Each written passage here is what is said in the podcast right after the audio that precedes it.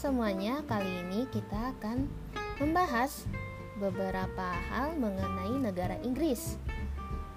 Kerajaan Inggris Raya dan Irlandia Utara merupakan sebuah negara kepulauan yang terletak di barat laut Eropa yang menyatukan daerah Wales, Skotlandia, dan juga Irlandia Utara ke dalam negara Inggris. Banyak pulau yang telah memiliki otonomi pemerintahan tetapi tetap berada di bawah kendali Inggris atau bergantung pada negara tersebut dalam bidang pertahanan dan diplomatik. Dengan luas 244.046 km persegi dan penduduk 58.790 jiwa, Inggris menjadi negara yang sangat padat.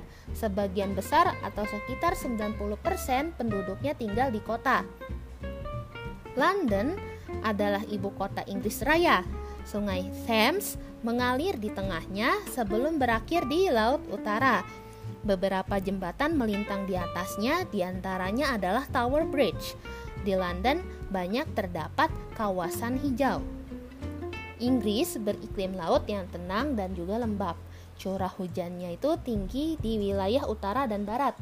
Lalu daerah Inggris di bagian utara mempunyai relief terjal dengan titik tertinggi di barisan pergunungan Pennine yaitu 978 meter. Di selatan dan timur pegunungan itu terdapat daerah pertanian. Nah, daerah Wales terdiri atas pegunungan dengan ketinggian sedang, sedangkan pantai-pantai di Sales terbentuk dari tebing berkapur.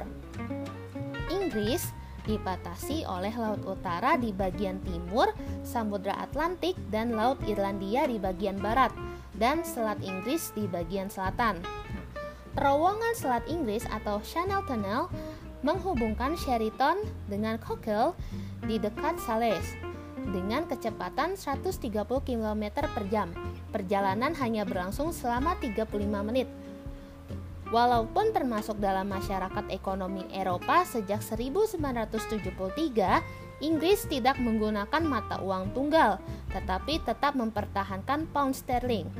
Lalu Inggris merupakan negara industri yang maju, namun sektor jasalah yang menyediakan lapangan kerja terbanyak. Pertanian hanya memperkerjakan sebagian kecil penduduknya.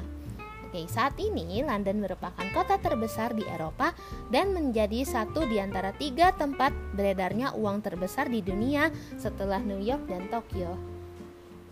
See you again.